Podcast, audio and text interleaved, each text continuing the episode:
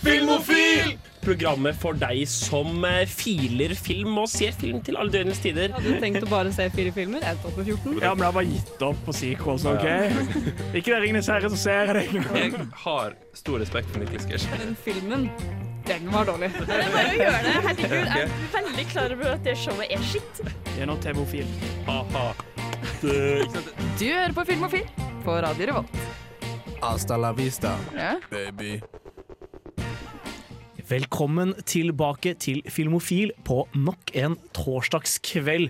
Vi håper du der hjemme koser deg på tross av at det fortsatt er en lang dag igjen til helg. Vi håper i hvert fall vi kan bidra litt med å gjøre dagen din litt lettere. Ja, hvis du hører på podkast eller stream on demand, så kan det hende allerede er helg, så gratulerer! Gratulerer i så fall hvis du hører på fra fremtiden. For da har du klart det. Vi er stolte av deg. Men eh, i hvert fall her i Filmofil skal vi prate om noe så artig som eh, et, et mystisk kontinent langt der borte. Vi skal snakke om Asia, og hvordan Asia har liksom trengt seg inn i Hollywood på et eller annet vis med åra. Med meg i studio i dag så har jeg på teknikk. Jaran. Vi har også med oss Mina! og, Jenny. og mitt navn er August. Hun, Jenny, du er litt mer engasjert, er du ikke det? Jo, jeg er det. Det hørtes ikke sånn ut. Jeg det var sånn, var veldig mye. Det, det skulle fremstå mer engasjert. Ja. Unnskyld.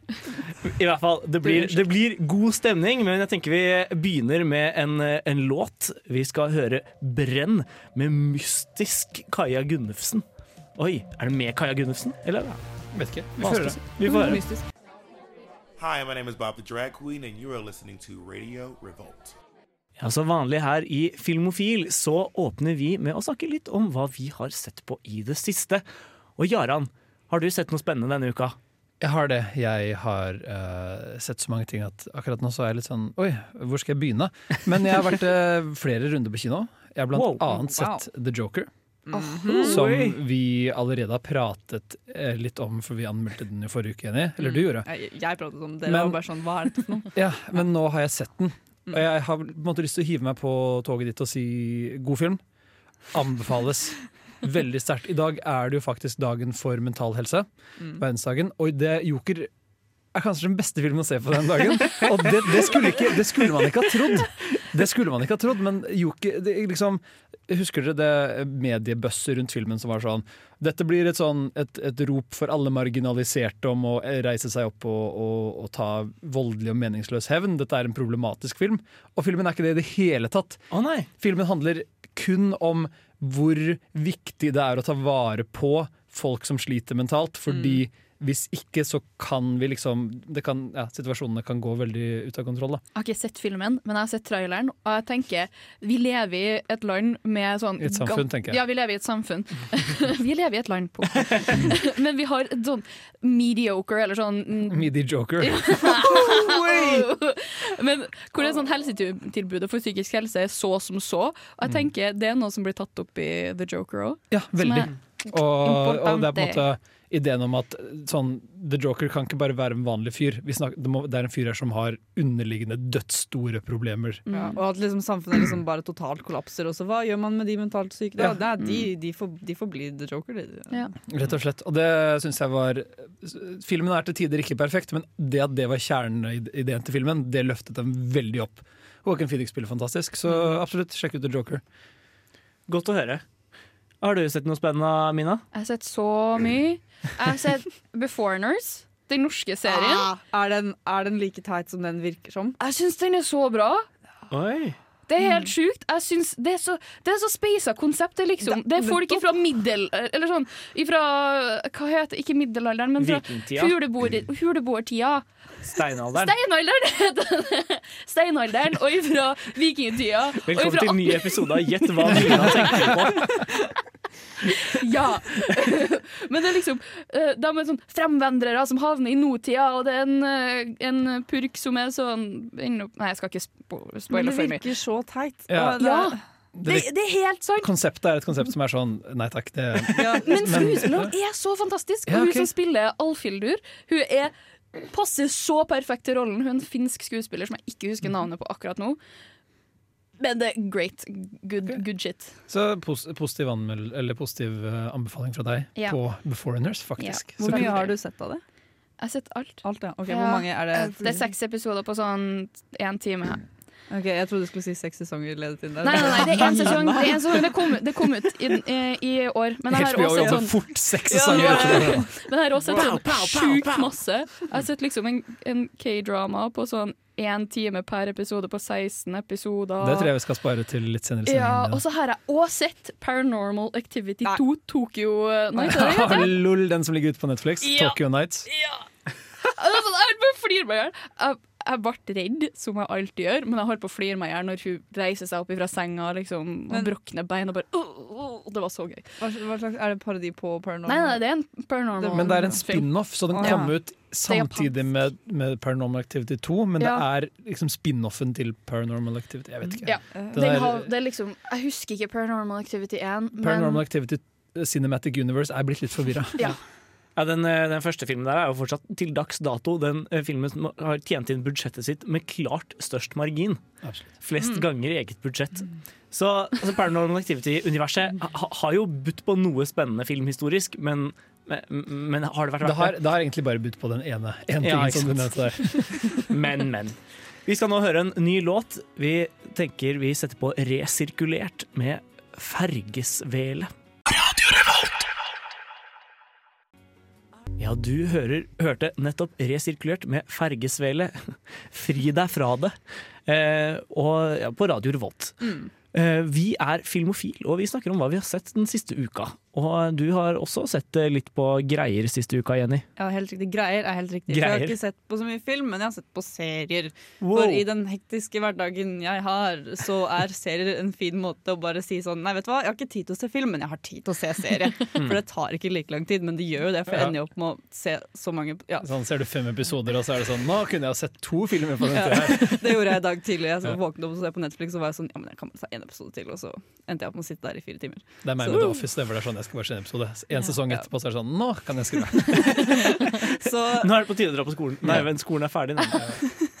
Men til, til nå så har på en måte min uh, slapp av-serie Det har vært New Girl. Jeg, nå, jeg er snart ferdig nå. Men greia med at jeg begynte å se det opp igjen, for jeg har sett det mange ganger før, er fordi jeg ikke hadde sett den siste sesongen som nå har kommet ut.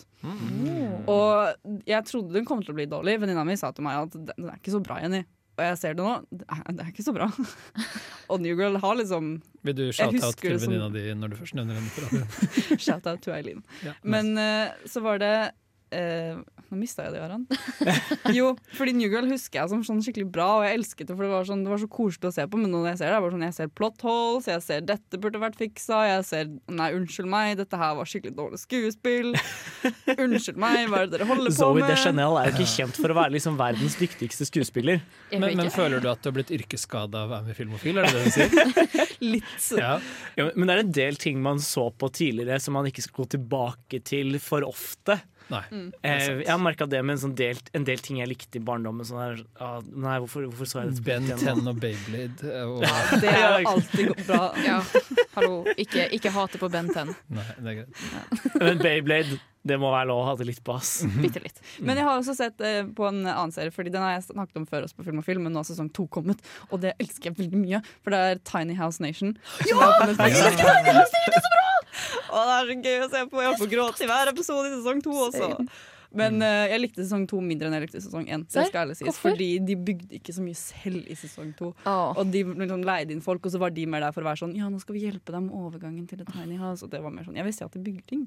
Jeg bryr meg ikke noe om overgangen. Ja, det er mye morsommere å se på folk bygge noe selv enn å se Ja, på folk Men de var jo med på å bygge ting, men okay. det var liksom mindre enn sesong én, da. Ja, Jo, men jeg skulle gjerne sett en Tiny House-serie hvor du ser folkene bo der på en måte en lengre periode etterpå. Se hvor de hater det. ja, og så se at liksom sakte, men sikkert så går dette fra å være drømmen til å bli et sånn personlig helvete. Men de tar jo sånn seks måneder senere eller noe sånt. Da. Men da er Ja, det du sånn, trenger, du trenger tar det- to år på deg før Ja. du innser hvor jævlig det er å bo i et så lite hus. Jeg tenkte på den ene episoden hvor de har en sånn, de har en sånn paviljong skulle jeg si, som de skal ha bak på, rygg, bak på ryggen av Bak på ryggen. huset. Ja. Paviljong på ryggen. ja. Og så De må kjøre den, det huset fremover for å få den opp. Og så tenker jeg, Hva om de kjører litt for langt og hele greia bare knekker? Det hadde vært noe. Jeg har også sett en film denne uka, faktisk. Jeg, jeg satte meg ned og så Jeg, jeg var i sånn merkelig humør på søndag. Hvor jeg, hadde, liksom, jeg hadde ikke lyst til å se noe seriøst, men jeg hadde ikke lyst til å se noe useriøst heller. Det kan bli veldig Så det, jeg endte opp med sånn derre Hm, jeg må se noe som virker eh, forsøk på seriøst, men er litt useriøst. Jeg pleier å se en actionfilm jeg, i det humøret. Ja, jeg endte opp med uh, The Way Back av Peter Weir. Som vel er den forrige filmen Peter Weir kom ut med, men som handler om eh, seks eh, fanger i en gulag-leir som bestemmer seg for å, eh, for å rømme til eh, Mongolia. Den med Ed Harris og Ed Harris og Saoirse Ronan, som kanskje er min favorittskuespillerinne. Er Er det sånn man uttaler Jeg tror man sier navnet? Saoirse. Swaro. Ja, jeg tror hun sier Saoirse, eh, men det er, i Song of the Sea Mm. så heter en, en av karakterene Sirsha Ja, ok. Eh, Så jeg tror jeg har tatt det derfra. Mm. Men uh, i hvert fall den, den handler jo om disse Gulag-fangene som har rømt fra denne leiren i Sibir. Og så, Mm. og så liksom, kommer de seg over grensen til Mongolia, og så vil de si at å nei, Mongolia er også tatt over av kommunister, vi må rømme til India. det, er, det er en lang gåtur. Um, og så har filmen veldig, mors eller veldig merkelig struktur, hvor den liksom den, den bygger opp en, eh, en ting skikkelig mye. Først sånn der, å shit, vi må krysse den transsibirske jernbanen, og det er vakter overalt. Hvordan skal vi få til det her? Og så bare klipper den til at de liksom sier, Ok, men vi, vi må passere i natt. Det er sånn her på hele linja, vi vi må bare gjøre det. Og så tenker du ok, nå blir det en sånn intens spenningssekvens hvor de skal snike seg over linja. Og så er det sånn, nei, de bare går over grensa til Mongolia. liksom. Samme gjelder Himalaya etterpå. Det er sånn der, de bygger opp skikkelig hvordan de som skal krysse Himalaya på vinteren, og alle de lokale i Tibet sier sånn Nei, dere må ikke krysse på vinteren, det går ikke, dere må vente til våren. Og så sier de nei, vi skal gå nå allikevel, og så, så bare er de i India. Det sånn, ja, det, det, er, det er en merkelig film sånn sett. Men den traff på humøret ditt. Den traff meg veldig på humøret mitt, okay, så sånn så sett, det, sånn sett var det veldig bra. Men Det- er det, er det en god film? Altså, med tanke på Peter Weirs cinematograf- eller på en måte filmografi, da. Den er jo blandet, men konsist ganske sterk. Jeg, vil, altså, jeg har stort sett sett nyere Peter Weir, dessverre. Ja. Jeg har bare sett eh, Truman Show og Master and Commander, tror jeg. Ja, men de er begge to veldig veldig gode, syns jeg. da Ja, de er kjempegode. The, the Way Back er ikke i nærheten av de. Men den det er fin å sette på en dag hvis man bare har lyst på et eller annet sånn derre Ja, eh, seriøst, men ikke så seriøst. Nå skal vi høre eh, Joggebukse med Your Love. Filmofil presenterer nyheter fra filmens og fjernsynets vidstrakte verden. Gå nyhetstanker! Ja, Jaran, du skal få æren av å være nyhetsanker en veldig kort, liten stund, for du har vært ute i, den, eh, ute i filmverden og funnet på noe. Jeg har det. Jeg har, nok en gang så er det et intervju vi prater om her. Denne gangen er det med eh, en del av castet fra den, film, den norske storkomedien Swingers, som er på kino nå. Fantastisk. Eh, dette er bare en liten bit av intervjuet. Det, var, det, var sånn, altså, det er jo Saeed Ali og Stig Frode Henriksen som folk kjenner som Jompa og sånn. ikke sant? Så det var veldig køddete og løs stemning. Uh, så det var veldig koselig intervju. Jeg skal, laste opp, eller jeg skal legge ut hele intervjuet på nettsidene, men her er en liten bit. Og jeg tror vi prater om seks scener på film. Alle med de to jentene i blå er den varmeste fargen. Ja, ok, du liker de? Den er, den men den, den, den er ganske Den er ganske den er, den er ganske drøy. Da ble jeg ganske overraska da jeg så den. Det er en god, det er en god film også. Um, kanskje fra en, en, den gammel eh, eh, gammel eh, Marguerite Duras-film som heter La Mante. Har du sett den, Sigrid? Den har jeg ikke sett. Det er Alexandra. Glimrende. Den, Ok. Det er også, det er Bunuel har også en ute i skogen uh, Mhm. scene hvor hun er kjerringa som blir piska mot et tre. Den er I det- eh, La Belle du Jour. Ja. Ja. Den er også ønsker jeg. Hva Og, med, hva med resten av dere? Jeg vet da søren. Ser ikke på sånt. så gir deg en hjemmevideo som jeg også syns er bra. Det er bare jeg aleine. Men uh, jeg, hvis jeg skal være helt ærlig, så spoler jeg forbi seks scener i film. Jeg ser heller på pornofilm. Jeg klarer ikke, jeg blir litt for kåt, og så ødelegger jeg resten av filmopplevelsen. Film så er det kutt, og så er det neste dag. Mens jeg blir jo sittende der med ereksjon. Ok, Ingen pornoanbefalinger å komme med sånn uh, på tampen? Alt du finner på YouPorn eller Jo, men jeg, jeg har ikke sett den. Jeg så at hun eh, tidligere Disney-stjerna hadde regissert noe porno for eh, Pornhub. Hun som spiller i den her Famous in Love-serien på HBO. Ja, stemmer det. Hun, Det Bella, Bella Thorne, tror jeg hun heter. Mm. Så, hun hadde vunnet en pris. Gikk fra Disney til porno. Ja, hun var, hun, Veit, gutta! Jo, men jeg- oppdaterte på alle All listingene. slags, alle filmformer, ja. Ja, mm, alle filmformer. Men jeg er litt fan av henne. Hun er ganske kul. Og så så jeg at hun bare hadde Det er en bra overgang å gå fra Disney til Ja. å regissere. Fra Disney til Disney. Det er et interessant karrierevalg. Jeg er så fornøyd med deg sjøl. Det er ikke, jeg si, det er ikke noen av dere som vurderer det? Nei. Nei. Nei, Jeg altså tror ikke jeg har så mye å bidra med. Det, dere, dere koste dere med å snakke om sex på film, altså. Ja, det var liksom Hele praten ble bare litt sånn, så det kommer det, Jeg skal prøve, prøve å få ut en sak med liksom alle gullkorna fra den. Og, og, og så, de prater litt om filmen nå, så for de som er interessert. Så er det litt om filmen i intervjuet også. Disney til Disney skal bli mitt nye slagord. Men eh, skal vi gå over til våre faste nyhetsanker, kanskje? Yes, jeg føler det her ble litt sånn den første nyheten jeg hadde funnet fram, var kanskje litt upassende til med tanke på temaet som dette har vært, fordi vi fortsetter trenden fra forrige uke. Er det metoo Mer seksuell trakassering? Ja! For da har du da uh, den tidligere visepresidenten eh, på, for Walt Disney.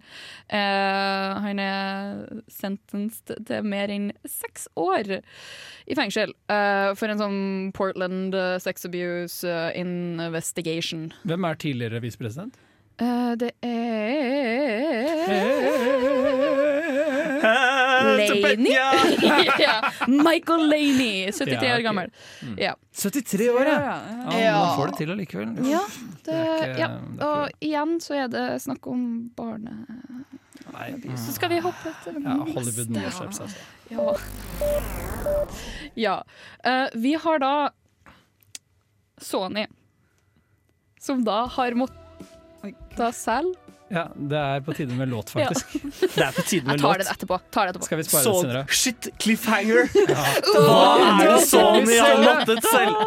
Er det Sony-serie, eller har Sony måttet selge noe? Hvem vet? Hvem vet? Vi Hvem finner det på. vet? Eh, før vi skal høre hva Sony har eh, solgt eller ikke, så hø- skal vi høre 'Finding Neo' med Walk slash Run. Hei, jeg heter Stig Frode Henriksen. Hei, jeg heter Sahid Ali. Hei, jeg heter Evy Kassett Røsten. Hei, jeg heter Alexandra Aurebekk Nilsen. Og du hører på Filmofil! Ja, castet fra Swingers som snakker om at uh, du hører på Filmofil, og det gjør du. Mm. det, er litt swinging her, er det ikke det? Eh, OK. Ja. Vi eh, skal ha mer nyheter. Vi fikk jo en nyhets-cliffhanger før, uh. før forrige låt. Og eh, Mina, du kan jo, du kan jo følge opp uh, cliffhangeren din. OK, fordi Sony må kanskje selge Masters of the Universe-filmen til Netflix, så den kommer ikke ut på eh, kino. Spørsmål, spørsmål, spørsmål. Unnskyld meg, Filmofil, Radio Revolt, spørsmål. Uh, skal det lages en Masters of the Universe-film? Ja! En He-Man-film, for de Ja. som ikke altså, Ja. Og for de som ikke vet hva He-Man er, så er det sånn, da må dere bare google. Men det er han fra det memet. Det er Ja. eh, What's going on? Ja, det er han fra det memet. Ja. Eh, og så er det òg han derre Noah et eller annet på Noah C. Santi, Santi, Santi, Ja, Santi, som skal spille He-Man, visstnok. Det var så sjokkert over Jenny, hva, hva er navnet hans, Jenny? God radio. And Noah San- sant, sant. Ja, noe sånt. Et eller annet på C nå. Ja. Det er han som er med i alle de dårlige sånn, ah, hvis du ser på Instagram-kontoen, så klarer han ikke å kle på seg. Han er veldig dårlig jo. til å kle på seg. Men da er han jo perfekt for He-Man-rollen. Ja. Jo, men det er sånn, Når prins Adam skal skjule sin identitet, så løfter han sverdet sitt over, over hodet og skriker 'I have the power', og da forsvinner skjorta hans. Og alle bare sånn 'Det er He-Man! Superhelten er kommet for å redde oss!' Det er prins Adam, bare uten skjorte, liksom. Så da er det kanskje perfekt for den rollen. Ja, det er sant. Mm.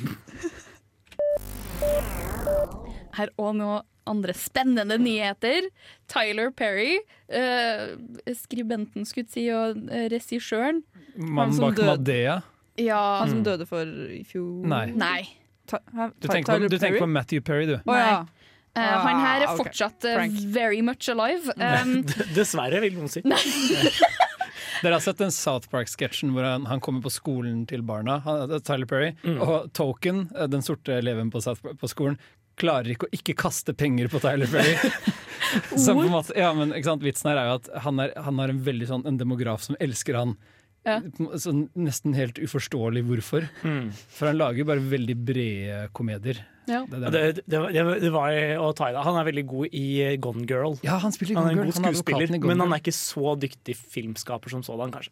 Men nyheten er da Det er at han skal ordne et nytt studio som blir større enn Disney og Universal og uh, Sony sitt til sammen. Fordi Hvordan? han Han har kjøpt en sånn Jeg tror en nedlagt militærbase. og det er så sjukt! Ja, men- så liksom, det blir største studioet. Ja, altså i kvadratmeter. Ja, ja, ja. I kvadratmeter. Han, han skal rett og slett bygge en ny sånn filmby. Ja, i Var det Orle... Nei, var det Portland? Det er de masse gamle hangarer, så kan de bygge masse interiørsett, og så kan de filme der ute og gjøre det om til gater fra forskjellige æraer og sånn. Det blir som Mhm. de gamle Warner Bros og Universal og Fox eh, liksom studio lots. Yes. Du kan, ja, Det er jo en kjempeidé. Ja. Jeg er veldig for at dette skjer. Reaksjoner Og du, du, du, trenger, du, du trenger en eller annen fyr med på en måte for mye penger og, og, før det er noe vits i å gjøre det. og veldig spesifikke visjoner og kanskje litt skrudde ideer, og der er Tyler Perry perfekt.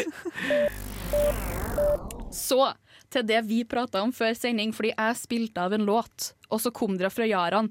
Å, er det der X-Man-introen? Ja, hvordan går eksperimentene Mina? Det Nei. Den går nei. Ja, Ah, ja, sånn går den. Men greia er da at det er en Florida-man, eller Florida-mann, som saksøker eh, både Disney og jeg tenkte å si Apple. Eh, Disney, Apple og Amazon. Altså Amazon. Ja. Um, fordi at um, X-Men-introen er en rip-off av en var det, tsjekkisk eh, serie som heter for Linda. Og da på vegne av den tsjekkiske Mm. republikken så saksøker en mann fra Florida eh, disse Alle. selskapene. Nei, fordi mann som laga eh, X-Men-introen eh, Nei, mann som laga Linda-themesangen, Mm. uh, døde i 2013 eller noe sånt. Mm. Og så har han mann, eh, Florida-mann her på et eller annet mulig vis fått rettighetene gjennom noe sånn uh, Ah, testamente. Så nå har han saksøkt, fordi at det er rip-off. Endelig! Ja. Florida Man Cinematic Universe er så forvirrende. Altså, jeg, skjønner ikke, jeg skjønner ikke hvilken timeline dette er i. Og Alt er bare forvirrende. Ingen skjønner noen ting. Og plutselig kommer X-Men-musikken, og bare alt er rart. Det hadde vært så passende å ha hatt den her nå. Mm. Ja. Men det er ikke den vi har her nå. Nei. Vi skal høre Crispy Carrot med kaffein i stedet for. Hei, vi er Honningbarna, og du hører på Radio Revolt. Crispy Carrot med kaffein fikk du der altså på Radio Revolt. Vi er fortsatt filmofil, og du har vært og anmeldt en film i dag, du Jaran. jeg har det. Jeg har eh, anmeldt, og i anledning denne ukens tema, som er Hollywood møter Asia, så er det altså Ang Lee sin nye film, som er produsert både uh, av noen uh, østasiatiske selskaper og av et par Hollywood-selskaper. Så det er liksom, det er en samproduksjon der. Og Jerry Bruckheimer. Jerry Bruckheimer er også involvert. Så jeg hadde litt blande, men i utgangspunktet høye forventninger til Ang Lee, så dere Mm. får høre hva jeg syns om filmen. da. It's rewind time. Will Smith har mistet all karismaen sin, og alle filmene hans taper penger. Om bare vi kunne ha en ung Will Smith for alltid! Møt Gemini Man, filmen som blir eksponentielt verre for hver Will Smith-klone den introduserer. What is so special about Gemini Man is at the center of it, you have two characters played by one person across generations. You're looking at Will, who's looking at his younger self. That's a phenomenal experience for an audience. I play both 50 year old Henry and 23 year old Junior. Den er filmet i en oppløsning og bilde per sekund som er så høy at ingen kinoer i verden kan faktisk vise filmen sånn som regissøren ønsker. Hva er poenget med det hele? Produktplassering! Det stemmer! Gorilla Glue koster bare 7 dollar 50. He's an amazing director. He's an Academy Award winner. He's somebody that's always broken the boundaries of visual effects. Ang is pushing really hard to give people an experience that you can't get anywhere else. Gemini Man er historien om en leiemorder som vil legge opp, men byrået han jobber for, er redd han har fått tak i sensitiv informasjon. Den eneste løsningen på dette problemet? Sende hans egen klone for å drepe han. Det stemmer, manusforfatter David Benioff er dum, og han tror du er enda dummere. Det virker ikke som disse folkene vet hvordan ekte mennesker prater med hverandre eller forstår følelser, og det resulterer i noe av den mest livløse dialogen jeg noensinne har opplevd. 25 years ago, your father took my blood and he cloned me. He made you from me. He chose me because there's never been anybody like me, and he knew one day I was going to get old and then you'd step in. He's been lying to you the whole time. He told you you were an orphan. And of all the people in the world to come after me, why would he send you? Because I'm the best. Taste the feeling. I en verden hvor filmer er blitt fornøyelsesparker og kunst er verdiløs, føles det naturlig at regissøren bak Brokeback Mountain og Life of Pi har laget en actionfilm som får meg til å miste lysten på livet. Det er ikke det at Gemini Man er dårlig, den ser helt fantastisk godt ut, med praktiske stunt og solid CGI, men den er uutholdelig kjedelig og helt fri for liv. Ingen longtake-sekvenser i verden kan gjøre opp for Will Smiths kanskje dårligste rolle noensinne. Ah, oh, that's hot. That's hot. Taste the feeling.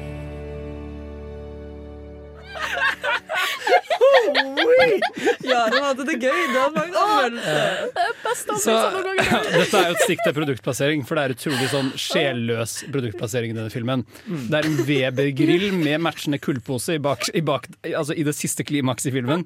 Rett bak liksom der Clive Owen står, han er skurken. da Altså Rett ved siden av Will Smith så står det Gorilla Glue til 7,50 dollar, for siste scene finner sted i en butikk. Wow. Og så etter det så er det en colascene som også er sånn taste feeling. Der. nei! Så jeg må bare jeg må, altså, Hvis det kom godt nok fram, da, så er jeg Jeg er så skuffet, jeg. Jeg er så skuffet. Fordi Ang Lee kan bedre. Og alle de tekniske gimmickene og sånn ved det her er bare, det er bare et røykteppe for en film som er dødskjedelig og definitivt produsert av Jerry Bruckheimer, liksom. Sånn. Nei, men det, var liksom du sa her eh, forrige uke, eller noe sånt, at det, det, føles, det føles litt som om Ang Lee har gått på et veddemål med Ja. Og sånn jeg, jeg, jeg, jeg, Altså, hvis eh, hvis du klarer å gro skjegg, så skal jeg spille inn en film med Jerry Bruckheimer som produsent.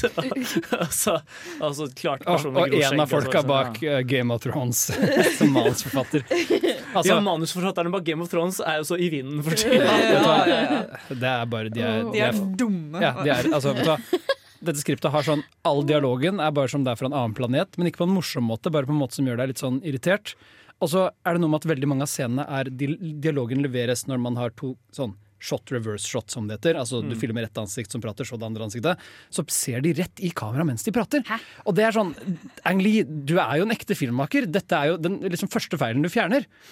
Fysj. Men jeg har et spørsmål. Fordi Life of Pi hadde jo øh, strålende CJ, hvis du spør meg. Ja. Um, og jeg har sett traileren, jeg har ikke sett filmen, um, for den har ikke kommet ut ennå. Mm. Um, men jeg så traileren, og jeg ble skikkelig sur, for jeg syns CGI-en så piss dårlig ut. Ok, Men jeg skal komme litt i forsvar fordi uh, det er det beste jeg har sett noensinne av denne typen CGI. Den er ikke perfekt, Nei. men det er så langt teknologien er kommet nå, så er det sånn Avatar 2 blir sikkert enda bedre sånn utseendemessig, Ja. men en av greiene er at film kan se så bra ut du vil, men jeg må bry meg for å like filmen. Ja. Og det er sånn, Actionsekvensene må føles som det er ekte stakes, eller som det er noe som faktisk risikerer å tape noe her. da. Og det gjør det bare ikke, uansett hvor bra filma det er. Så denne filmen gjorde ingenting for meg, uh, og jeg gruer meg til Gemini Man 2. Jeg syns litt synd på deg. Gemini Man 2, Electric Boogaloo, Oi. eller hva heter det derre Gemini Man 2, Taste the Feeling. Uh, and, and on that note så tenker jeg vi hører en låt. Ja. Vi skal høre Moika med Ride. Ja, du hører på Radio Revolt, og mer spesifikt Filmofil. Og vi beveger oss nå inn i temadelen av vår sending, som er møtet mellom Hollywood og Asia. Yeah. Men hvilken del av Asia er det vi snakker om, eh, Jaran? Ja, Vi snakker vel liksom spesifikt om øh, Øst-Asia. Asia er veldig stort. Uh, Mm. vi er jo ikke geografil, så vi skal ikke prate så mye om kontinenter og sånn. Men, uh, oh, geografil, det er, det, er, det er så perfekt prosjekt for Vet du hva? deg. Jeg kunne kost meg ordentlig med å lage geografi. Oh, look, it's a map. Men uh, hva er det jeg skulle si? Jo, at uh, når vi prater om Øst-Asia, så er det noe med Det er veldig Det kommer veldig Altså, hver av disse landene, da, fra Korea til Kina til uh, Japan. Japan er også, er også um, øh, Hva heter den? Innflytelsesrike? Ja, de er alle sammen veldig innflytelsesrike. Og har hatt i særegne stiler, så det har kommet veldig mye herfra fra forskjellige filmskapere og forskjellige um, Vi skal prate mer om de enkelte stilene og filmskaperne etter hvert, da. Men det er kommet veldig mange forskjellige ting derfra. Så jeg vet ikke, bare sånn, når du snakker om det at asiatiske troper og, og stiler og filmskapere har dratt til Hollywood, så har de ofte skapt en, en sånn eh, Hva kaller du det? Kimera? En hybrid. Eh, Jo, men det er også noe med at eh, Øst-Asia er en av de områdene i verden som har en veldig aktiv filmindustri, da. Mhm. som, også, som også eksporteres. Eh, vi- Kina er ikke så mye inntil nylig. Nei, men uh, filmindustrien i Kina er virkelig på vei opp. Mm. Uh, Wolf Warrior 2 var jo nylig en av de, best, en av de ti mest inntjenende filmene i ver på verdensbasis i 2016-17. Og den kinesiske filmen uh, The Wandering Planet, som heter på Netflix nå, var jo sånn Det er Kinas tredje mest innbringende film noensinne. Wow. Den er ute på Netflix nå. Hva den handler om? Uh, den handler om at jorda er et romskip. Og det var den, ja. ja. ja. Så, så liksom Kina har en veldig oppadstormende filmindustri akkurat nå. Hongkong hadde en En eh, renessanse, nærmest. Eh, ja, men egentlig ganske langvarig aktiv filmindustri som plutselig Mm. ble eksportert til Hollywood fra 70-tallet og liksom ut 90-tallet. Og film som vi kjenner det i dag, ville vel jo ikke vært det samme uten Japan. Nei. det er nok helt klart. Akira Kurosawa har jo på måte altså Star Wars hadde ikke funnes uten han. Liksom, den typen liksom, Allerede der begynner ting å skli ut. Hvis det ikke hadde vært for Kurosawa, så hadde på en måte Star Wars bare vært throwback til de TV-seriene George Lucas likte som liten. Eh, det og- og den, trenger, den trenger noe mer enn det. Mm. For det å er på en måte det minst viktige Kurosawa har påvirket også. Så det, han er jo, det har kommet mange store filmskapere, og også troper generelt, og stiler. Eh, kanskje litt spesifikt det vi ikke kommer til å snakke om. Mer sånn, vi kommer ikke til å snakke om Bollywood. Nei. For Bollywood er har egen- påvirket ja. India Nei, har påvirket eh, eh, Hollywood. Påfallende lite. Men Hollywood har påvirket Bollywood påfallende ja, mye. Så det, det er en sånn Og vi kommer jo kanskje til å se litt av den kulturutvekslingen videre i sendingen i dag også. Ja, det at det går litt. flere veier. Ja, Det er jo ikke bare Um, det at Hollywood suger opp alt Asia finner på. De låner litt av hverandre. Ja. Eh, Et interessant eksempel er sånn som, eh, sånn som japansk animasjon var jo Mm. inspirert av Disney til å begynne med. Men så Men plutselig begynner altså, Disney å bli inspirert av ja. Eh, Så går det begge veier. Men, eh, og vi, vi kommer heller ikke til å snakke om sånn iransk film eller, eller, eller Er ikke Russland en del av Asia òg? Øst, østrussisk ja. film jeg, jeg er ikke så kjent med, skal jeg være ærlig. Ja. Men det, så blir, det blir mye Japan, Kina, Korea og omegn. Eh, vi skal snakke mer om asiatisk film etter at vi har hørt Lil Halima og Kanto med 'Block Down'. Uh, Etterfulgt av Black Marble med 'Private Show'. Jeg er Erna Solberg, og du hører på Radio Revolt. Der hørte du Black Marble med Private Show. Vi eh, snakker om asiatisk film, eh, og hvordan asiatisk film har påvirket Hollywood her i Filmofil i dag. Og eh, et av de stedene det virkelig begynte, var jo i kampsportsjangeren. Så vi ga dere i hjemlekse forrige uke å se Enter the Dragon med Bruce Lee. Ja. Og den har du sett, blant annet, Jenny. Den har jeg sett. Vi så den jo sammen, da, bare så folk skjønner at vi er sammen ikke utenfor Vi er, vi er faktisk venner også. Mm. Mm. Ja, men uh, det, var, det var en film, fordi det er jeg, jeg har ikke sett sånn veldig mye kampsportfilm. Det meste jeg til, forbinder med det, er liksom sånn Karate Kid og sånn, liksom. Eller sånn moderne, det som har blitt brakt inn i Hollywood-type nå, da. Men så Enter the Dragon var en, var en ny opplevelse for meg, da, kan du si. Og det, den har egentlig null handling, men den handler da om at eh, godeste Bruce Lee han må dra til en sånn liten eh, Han blir sendt til en liten øy fordi han skal være en agent for Ja. eh, Han blir bare rekruttert av et, Ja. et, et selskap vi aldri får vite hvem er, Nei. men de sier de samler informasjon. Ja, Det er alt vi får vite også. Mm. De er, de er der for å backe han opp, kanskje. Hvis han ringer. Kanskje, kan de Og, svare. og det må sies, da. eh, det, han, den fyren som bor på denne øya, Mm. han er en rogue munk. Ja, fordi ja, Bruce Lee tjener i Shaolin-tempelet. Han Ja. trener der og er Ja. Shaolin-munk, og det er også han som bor på øya, men han gikk rogue, som du sier. Mm. Ja, og da må de liksom hunte han ned. De har sendt en annen agent til denne øya tidligere, da. men eh, hun har forsvunnet. Så da må de sende inn Bruce Lee. Og eh, det blir personlig for Bruce Lee med en gang han finner ut at oi, shit. Søsteren hans, og tydeligvis moren, da, men man får aldri vite noe om det. Men i hvert fall søsteren da har blitt eh, drept På, Eller hun døde på grunn på av grunn av han eh, rogue munken her. Eller en av vennene til den Rogue Munken. Det, det er på en måte ikke så viktig. Nei, det er ikke viktig i det hele tatt, men det er, liksom, det er egentlig handlingen. Mm. Og så blir han sendt hit da, til denne øyen, og så er det liksom Så det- eh, foregår masse og, men, For det er jo ikke noe handling, men det de gjør med handlingen, er at de prøver liksom bare, som August og Finn sa, jeg stjeler det du sa, Mm. at de bygger opp til, eh, til slåssedelene. Ja! basically. Ja. Fordi hele filmen er jo egentlig bare Bruce Lee som er badass på oh. å slåss, men ikke så veldig badass på skuespill. Men det har ikke noe å si, for han er så fantastisk eh, martial artist. Men som en som kommer litt utenfra de gamle 60-talls martial arts-filmene, da, eh, Jenny, Ja. eller 70-tallet, sent 60, til- tidlig 70, Ja. forstår du hvor ikonisk Bruce Lee var? For han lagde bare tre filmer før han døde. Mm. Eller tre og en halv, på en måte. Klarte du å se det? Ja, men jeg skjønner jo veldig godt at det er jo Det har jo kommet fra et sted, på en måte. Mm. Og man ser det veldig tydelig i disse filmene at han var veldig veldig god på det han gjorde. Og det er liksom Selvfølgelig da He was the master. Så bare hentet man fra det og bygget på det. da Fordi han, ja, jeg, så, jeg så at han var skikkelig god, men det var jo ikke sånn jeg ble ikke sånn superimponert. Anbefaler du, filmen. anbefaler du filmen? Nei. Jeg koser meg med den, for den er, sånn, den er datert på alle de beste måtene. Ja, Men den, den hadde en del ting som føltes oppriktig progressivt også selv i dag. Altså, eh, vi kommer tilbake til at asiatiske karakterer ikke alltid er så godt representert i Hollywood-filmer. Nei, og Særlig ikke før 60, eller opp til 60-tallet. Ja, eh, det er særlig en kritikk av at på en måte eh, asiatiske menn aldri fremstilles som sexy. Men Bruce Lee får virkelig vise fram absa sine. ass. ja, det er jo en scene hvor han liksom river opp litt av skjorta si. Og da er det sånn Å nei, det er en liten drift. Ah, da får vi bare ta av oss hele skjorta, Nå da. merker jeg at jeg angrer meg for at jeg ikke fikk vært med. Du skal få låne den av meg, Mina, så kan du koste deg. Eller så kan vi se den på nytt.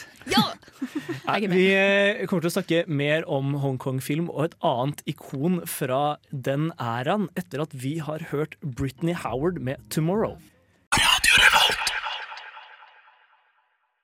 Ja, Før vi uh, hørte Britney Howard med 'Tomorrow', så uh, snakket vi om Bruce Lee, som er et av de store liksom, tidlige martial arts-ikonene i Hollywood.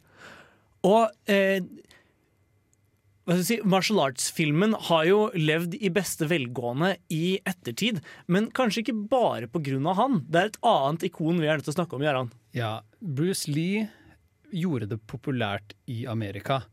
På en måte Bruce Lee som importvare mm. brakte fokus på martial arts. og Som du sier, denne, at man kunne være et sexikon osv. Men i Hongkong så holdt, det på, holdt en fyr på som fortsatt holder på i dag. Det er imponerende, og det vi snakker selvfølgelig om Jackie Chan, the man. Hvor gammel er han nå? Han må jo nærme seg 70, eller han er i hvert fall 60. Ja. Mm. Og uh, å se de gamle Jackie Chan-filmene er på en måte å se for, Som vi pratet om, ja. Han er 65. Han er 65, ja. Ja. Og God gjør kar. fremdeles egne stunt og har altså, Jo, men absolutt. Han, det å se uh, han ta det som Bruce Lee gjorde til en veldig sånn kul ting En, av, Mm. en av svakhetene mener jeg med Enter the Dragon er at du aldri er redd for Bruce Lee, for han klarer alt. Mens Jackie Chan bringer en sårbarhet til kampsportmesterne. Han, han, han, han bringer inn slapstick-komedie, og han bringer inn Hollywood-film. De gamle eh, Jackie Chan sånn Hongkong-actionfilmene har masse referanser til Det er en scene hvor han henger fra et klokketårn, akkurat som i uh, Harold Lloyd uh, Safety Last. Ja, Safety Last-filmen. Mm. Han har en Buster Keaton-gag hvor en bygning faller ned rundt han, og han blir stående inne i, um, i det lille vinduet, akkurat som i Steamboat Bill. Bring, så Der ser du allerede gamle Hollywood påvirker Jackie Chan, Mm. men det Jackie Chan gjør, som er å kombinere disse slapstick-tradisjonene og, og på en måte utbrodere hovedkarakteren litt mer, da, til en mer fullverdig film. Eh, det er nok en av grunnene til at han er blitt eh, liksom bare en superstjerne som fortsatt holder på i dag. Og etter hvert med Rush Hour og sånn, da gjorde bevegelsen mot eh, Amerika. Oh, De fleste har nok sett Rush Hour. Oh yeah. Ja. War, what is a good war? Ja, absolutely absolutt. Men han er jo faktisk blitt en av de mest eh, De best betalte skuespillerne i verden. Det skulle bare mangle. Altså. Har du Mhm. sett hvor mye han, han faller? det, er, det er en sånn film hvor han faller fra ti meters høyde, og det gjorde det taket fem ganger. Altså, har han òg en film, jeg snakka om det tidligere, Ja. um, hvor han har Den er fra The Myth fra 2005. Hvor han har en sånn sticky floor uh, fight scene. Hvor det er på et sånn samlebånd. uh, hvor de hakker opp noe greier som jeg skal produsere. Og så hopper han på, og så hopper motstanderne hans på, og eh, hun female leaden hopper opp på båndet, og så finner de ut at oi, shit, vi står fast! Og så står de og har en sånn skikkelig sånn komisk slaps, slapstick um, intense fight scene, hvor Jackie bare slenger dem på gulvet, og så begynner å trampe på dem, og så, så detter han nå, og så må, plutselig står han bare i underbuksa, og samme gjør hun female leaden, og så bare Åh, nei, det er fantastisk. Oh. Jackie John sa jo selv at forskjellen mellom han og Bruce Lee var at ingen slår Bruce Lee. Alle slår Alle Jo, han- han vinner på en måte på tross av at han er dårlig. Ja, og han har ofte karakterer som er arrogante eller usikre eller litt klønete på en eller annen måte. Mm. Men som til Alle karakterene hans er en ark, da, mer enn en Bruce Lee-karakter vanligvis ville hatt, som Mm. på en måte er dyktig fra starten av og bygger opp til en siste, et siste, en siste konfrontasjon. Mm. Uh, så det er så tydelig å se Jackie Chan fordi han konkret gikk fra å lage filmer i Hongkong til å lage filmer nå i USA, og med litt varierende suksess, da, men han er jo en stjerne fortsatt. Og han har virkelig formet sjangeren på en måte som få har gjort. Da. Den action-komediesjangeren er så Mm. tett knyttet til på en måte hans måte å tenke ut en scene på, på et vis. Å koreografere et, en kampscene og ja, som sagt bringe inn denne humoren i alt. Mm. Han er rett og slett en eh, veldig veldig dyktig eh, skuespiller som måtte, fortjener den posisjonen han har fått. Og trivelig kar, da. Han er så søt! Jeg står og ser på bilder av henne nå, og det er sånn Hjertet mitt blir varmt. Da minner jeg ikke prater, så googler hun. Ja. Altså. Jeg googler bilder av Jackie, Jackie Chan og står her og bare Og så har han name-droppet til den låta som jeg ikke husker nå, hvordan den går nå. Den der uh, We just started sushi from Japan. Eller ja. Nei. Nei. OK, det er greit. Fuck it. Jeg husker den ikke uansett. Han nevnes i hvert fall i en eller annen låt. Eh, og med det så tenker jeg vi rett og slett hører en låt. Vi skal høre Gold Celeste med Coexisting, før vi skal snakke mer om eh, ja, mannen Jaran ikke er så fan av lenger, nemlig Angeli. Du hører på Radio Revolt, studentradioen i Trondheim. Der hørte dere Jaga Jazzist med All I Know Is Tonight. Vi skal snakke videre, videre om eh, hvordan Asia har påvirket Hollywood. Mm. Med kanskje den mest kjente regissøren som har tatt reisen over Stillehavet for å lage film, nemlig Ang Lee. Ja. ja. Mm. Det er en regissør som Yara nå tydeligvis eh, har mistet litt respekt for. Ja, han regisserte jo Gemini Man. Men han har jo gjort mye bra òg, det skal Mm. sies. Men uh, først og fremst, da. Så han ble født uh, 23. oktober, så han har faktisk bursdag snart. Hey. Wow. Uh, og i 1954, så han er nå 64 år gammel, så blir han faktisk 65 år gammel i år. Like gammel som Jockey Chan! Ja, har du sett Neppe! Mm, Det er en konspirasjon ja. som ligger og ulmer her, at alle Mm. er født på samme år. Noe sånt. Absolutt Det er i hvert fall en konspirasjon nå. Ja. Ja. Eh, Asia er ikke et land engang. Jeg har aldri sett det. Jeg tror vi bare går videre, skal vi det? Ja. Ja. For, eh, hans gjennombrudd da, kan man si, var, eh, skjedde rundt 1990 et eller annet. Det var etter Mm. at han kom til Hollywood også, men de tre gjennombruddene var vel ikke engelsktalende filmer. Det var sånn, eh, 'Pushing Hands', 'The Wedding Banquet' og 'Eat, Drink, Man, Woman'. The Wedding Banquet er i hvert fall en film uh, som er på taiwansk, eller Ja, for jeg tror alle de er på taiwansk. Fordi jeg tror Ja. den første han lagde som var liksom ordentlig amerikansk, og sånn var 'Sense and Sensibility'. Ja. Ja, hva med The Ice Storm? Mm. Jeg må være helt ærlig at jeg ikke husker uh, Ang Lee-tidslinjen. Fornuft og følelser kom begge, før uh, begge de kom i hvert fall på slutten av 90-tallet. Ja. 95 og Um, 97. Og gjorde han veldig stor. Mm. Og det som er interessant med Ang Lee, i hvert fall for meg, er jo at han er en filmskaper som på en måte, han, han er en utrolig dyktig filmskaper, men han er ikke en av de som har grunnlagt en bevegelse på samme måte som sin John Woo eller en Uh, ja, I hovedsak John Woo. Eller de andre taiwanesiske regissørene som han på en måte var del av samme bølge som. Edvard Yang. uh, Edvard Yang og um, Ho Sao-Sien. Ja. Um, Hva heter han, eh, han som lagde um, Park Chan-wook? Nei, nei, herregud, det er han er koreansk. Men hva heter han som lagde In the Mood for Love? Og, Eh, og Wong Kar-wai. Kar-wai, ja. Men han er vel Hongkong, tror jeg. Ja, ok da. Men han, Eh, han var liksom en del av samme bølge og litt den samme estetikken, føler jeg. da Men Ja. du har sikkert rett i at han ikke er fra samme område. Poenget er i hvert fall at han i mye større grad altså Der både Ho Sao-Sien og Edvard Yang fortsatte å lage filmer i Taiwan. Mm. Så flyttet Ang Lee over til USA og begynte å lage på en måte kommersiell film på stor skala. Mm. Ikke bare liksom Sense and Sensibility og The Ice Storm, som jo er dramaer, tross alt, men Ja. også Hulken. Hulken. Med Erik Ja, Banja. blant annet. Mm. Ja.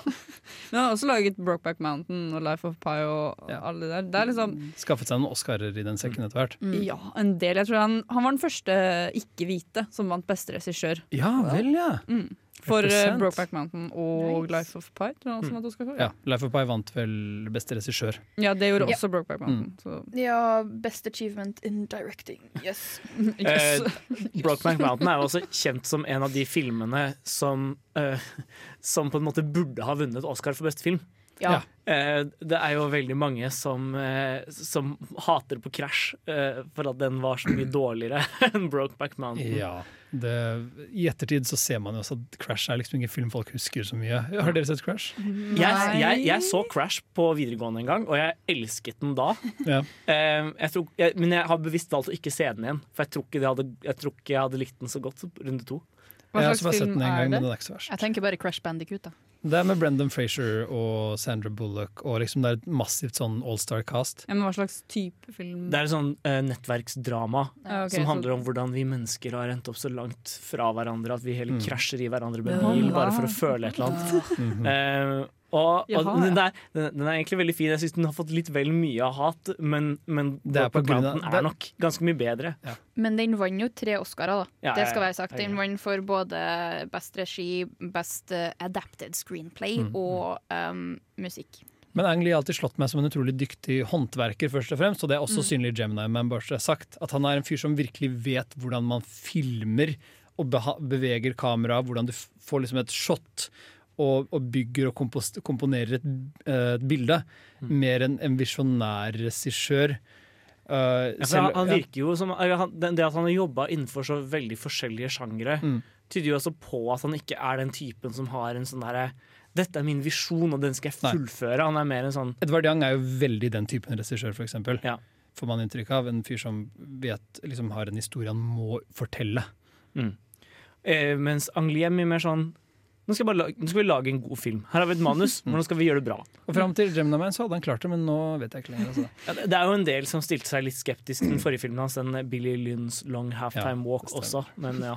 Men jeg har to veldig små fun facts som jeg fant som jeg syns var litt morsomme om Ang Lee. Ja. For det, var, det første var at han var klassekamerat med Spike Lee på et tidspunkt. Og han var, med, han var med på å lage hans thesis-film 'Joe's Bed Støy Barbershop We Cut Heads'. Ja.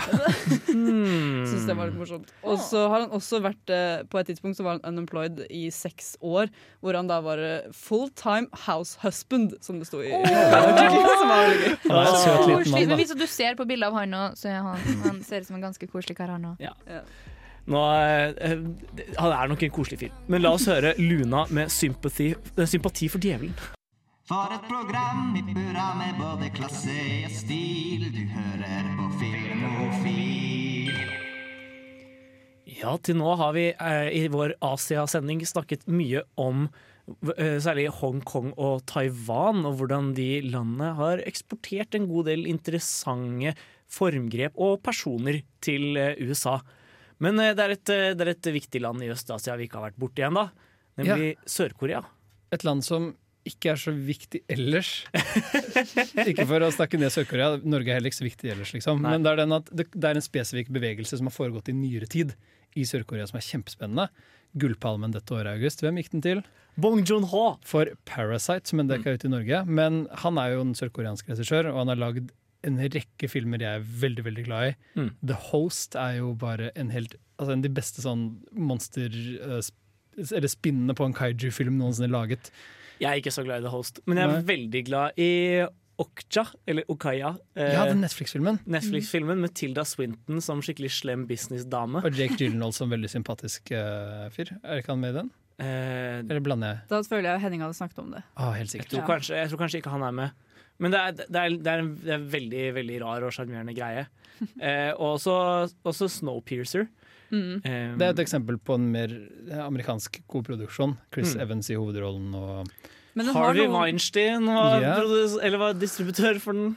Men den har noe med seg som ikke er liksom helt Hollywood, da, kan du Og si. det er nok derfor folk eh, Og det er en ting som jeg har hatt lyst til å spørre dere om, og det er den Tror dere at en av grunnene til at disse blir veldig populære når de kommer til Hollywood, er fordi de har en, en følelse av at de lager noe helt annet enn det man er vant til å se?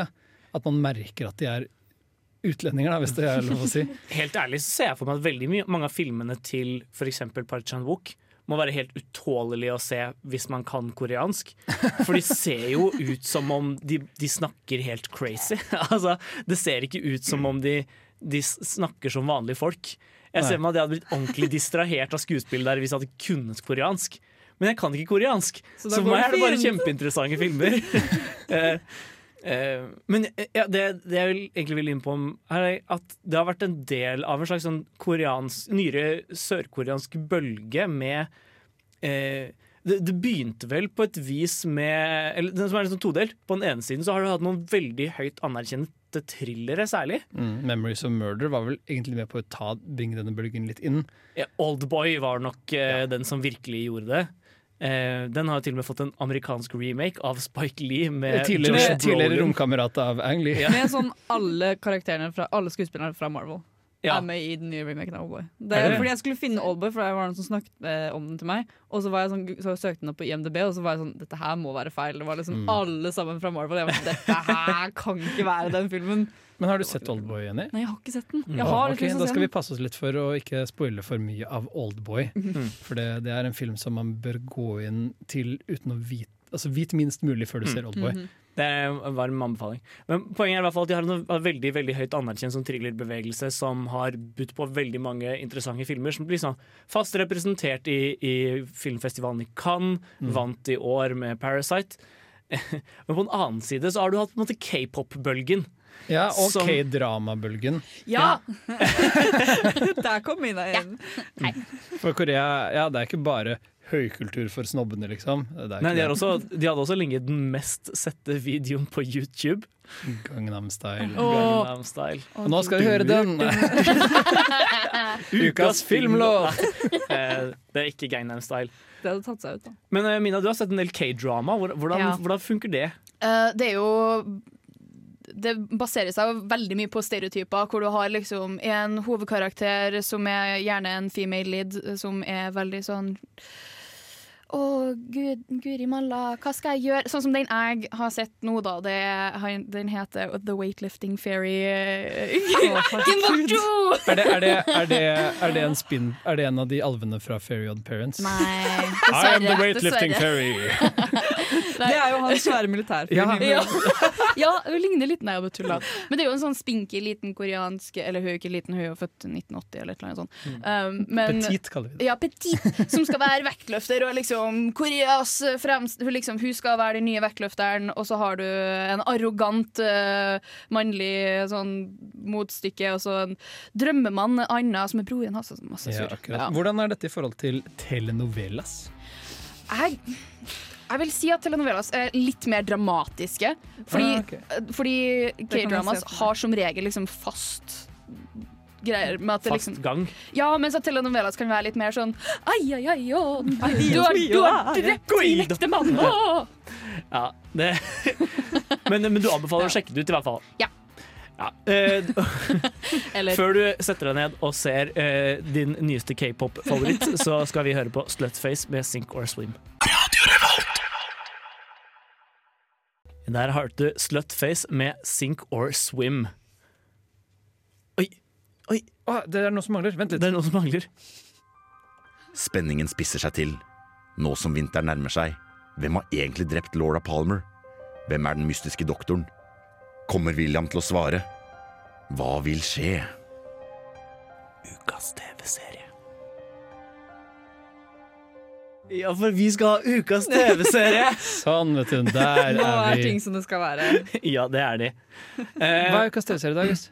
Ukas TV-serie er eh, Marvels Iron Fist. Og nå er det sikkert mange som sier Åh, hva? Hæ?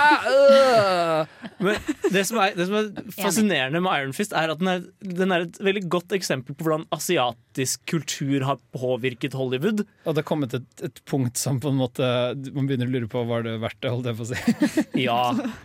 For denne er på en måte et eksempel på den dårlige delen av asiatisk påvirkning. Eller asiatisk representasjon. Ja. For ikke å snakke om Mhm. cultural appropriation. Dette er jo en, en superheltkarakter Marvel lagde på 60-tallet når Bruce Lee og Jackie Chan som var store. da Bare så det er sagt, denne karakteren Og han har alltid vært hvit. Mm. Så det er ikke noe TV-serien gjorde, men bare den ideen i seg selv. At liksom denne tropen om den hvite mannen som må søke visdom fra Ja. de gamle vise læremesterne i et tempel ja, liksom, ja. Og så blir bedre enn alle sammen. Ja, fordi det er det den handler om. Mm. Ja. Det er liksom hele, er det en lang serie?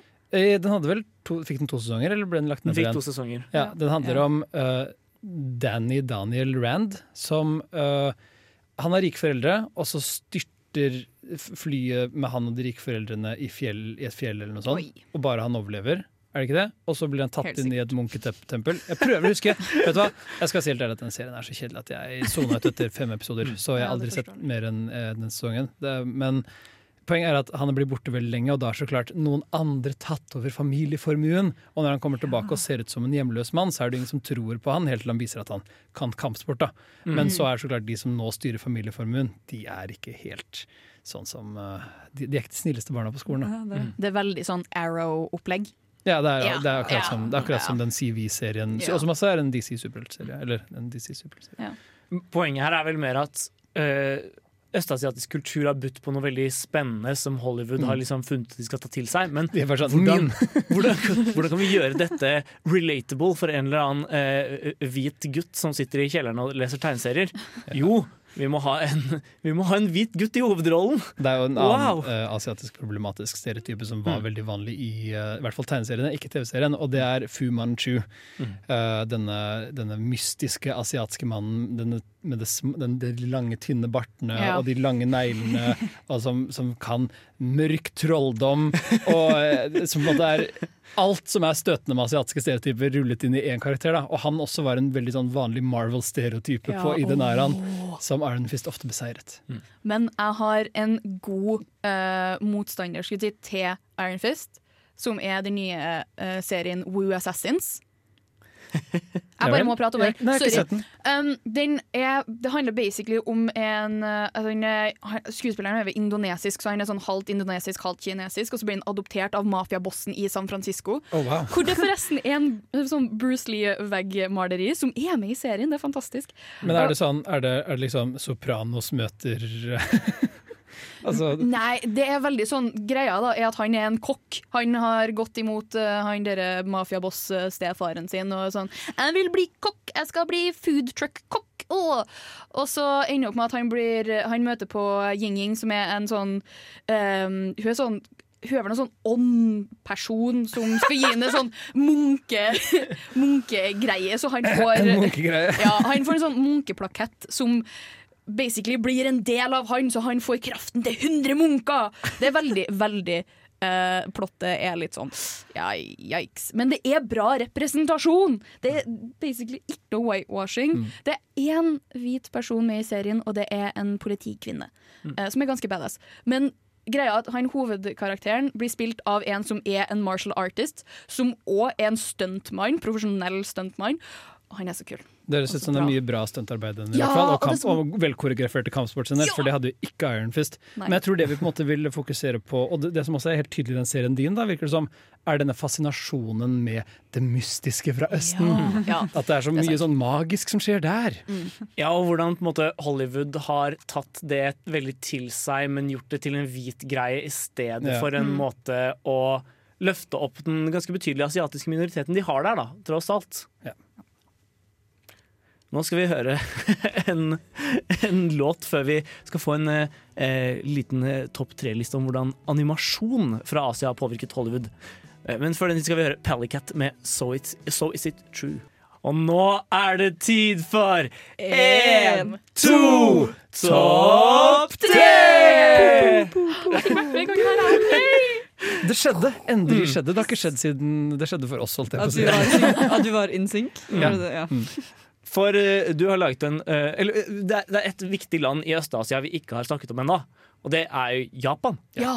Kanskje den mest kjente filmnasjonen i hele Øst-Asia. Og kanskje den mest distinktive. Sånn, Kanskje, Japan kanskje. har en veldig særegen eh, stil. Jeg har ikke sett så mye kinesisk film, men inntrykk av at det også er ganske distinkt. Men jeg har sett The Wandering Planet. da Den jeg ligger på Netflix. Den var.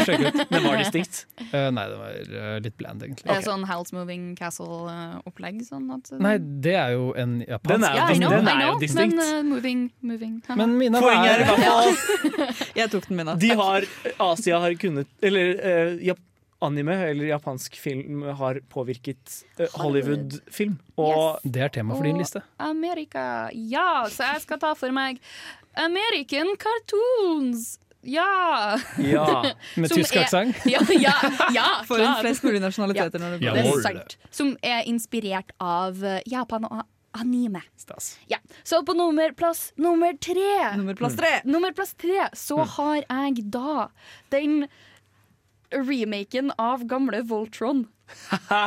Jeg vet ikke hva Voltron er. Hva Voltron er basically um, Det er fem tenåringer som går på uh, sånn space Er det de som i Fairly Old Parents hvor de kler seg ut som de får halloween?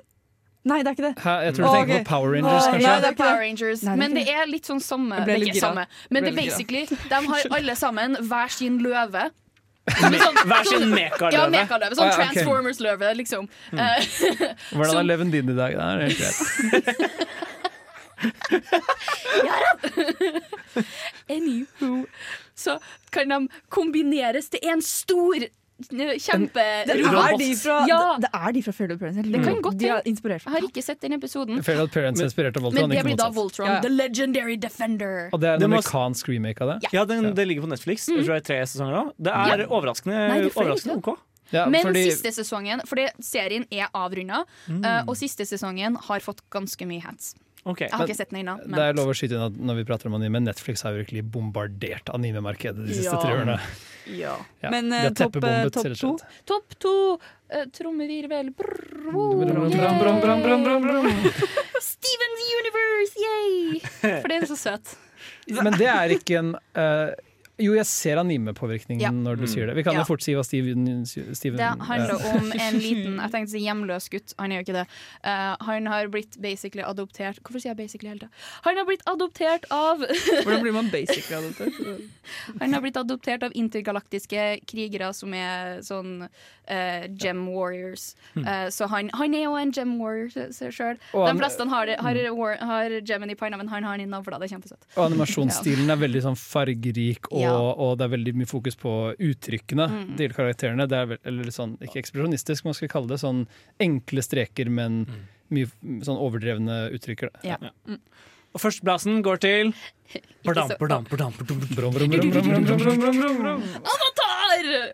Last Airbender, ikke, ikke, Avatar, ikke filmen. Avatar, avatar, si. Og James Cameron, bare 'dette er en anime. Ikke Shamalamalov sin film, eller Nei, men ikke Nei. Legend of Korra, den oppfølgeren. Den har jeg som en sånn liten honorable mention. Den er ikke like bra som Nei. Avatar, okay. men den har gode punkt. Men for dette er jo en, en serie som har veldig mye av det, det Øst-Asia Ja.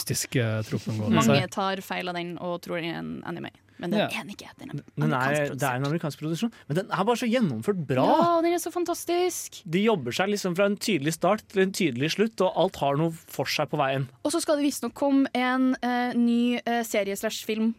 Som er tegneserie, ikke Shamalamalam. Spennende. spennende. Eh, Det var dessverre det vi rakk av topp tre. Nå skal vi høre Fie med So Fly. Det var dessverre det vi rakk av filmprat for i dag. Ripp. Og neste uke så blir det ikke noe filmprat. Nei! Men vi skal se film! Vi skal se veldig mye film. Eh, Vi skal nemlig på skrekkfilmfestival. Så neste uke blir vi nødt til å sende reprise. Men vi anbefaler dere alle å følge med på radiorevolt.no og på vår Instagram-profil. Og Facebook-side, hvorfor Ja. ikke? Vi kommer nok til å dele noen oppdateringer underveis av hvordan det er å være på skrekkfilmfestival. Og hvis dere er på Ramaskrik, og tilfeldigvis ser oss, så er det bare å gripe taket og si 'Halla, Eran, du er så kjekk i virkeligheten'. Eller 'Halla, Jaran, jeg vil låne alle DVD-ene dine'. Ja, det også. Si, si nummeret ditt igjen. 9957 2653. Hvis du er på Ramaskrik, så er det bare å ta kontakt, så tar vi en øl eller noe. Mm. Det, det, bli med på hytta og ta en runde Munchkin. Et eller annet. Eh, men ja, så neste uke blir det reprise. Eh, og hvis du har lyst til å høre denne episoden i reprise, så er det bare å gå inn på radiorevolt.no slash programmet slash filmofil, eller søke oss opp i vår podkast-app. Eller på Radio Revolt-appen. Ja.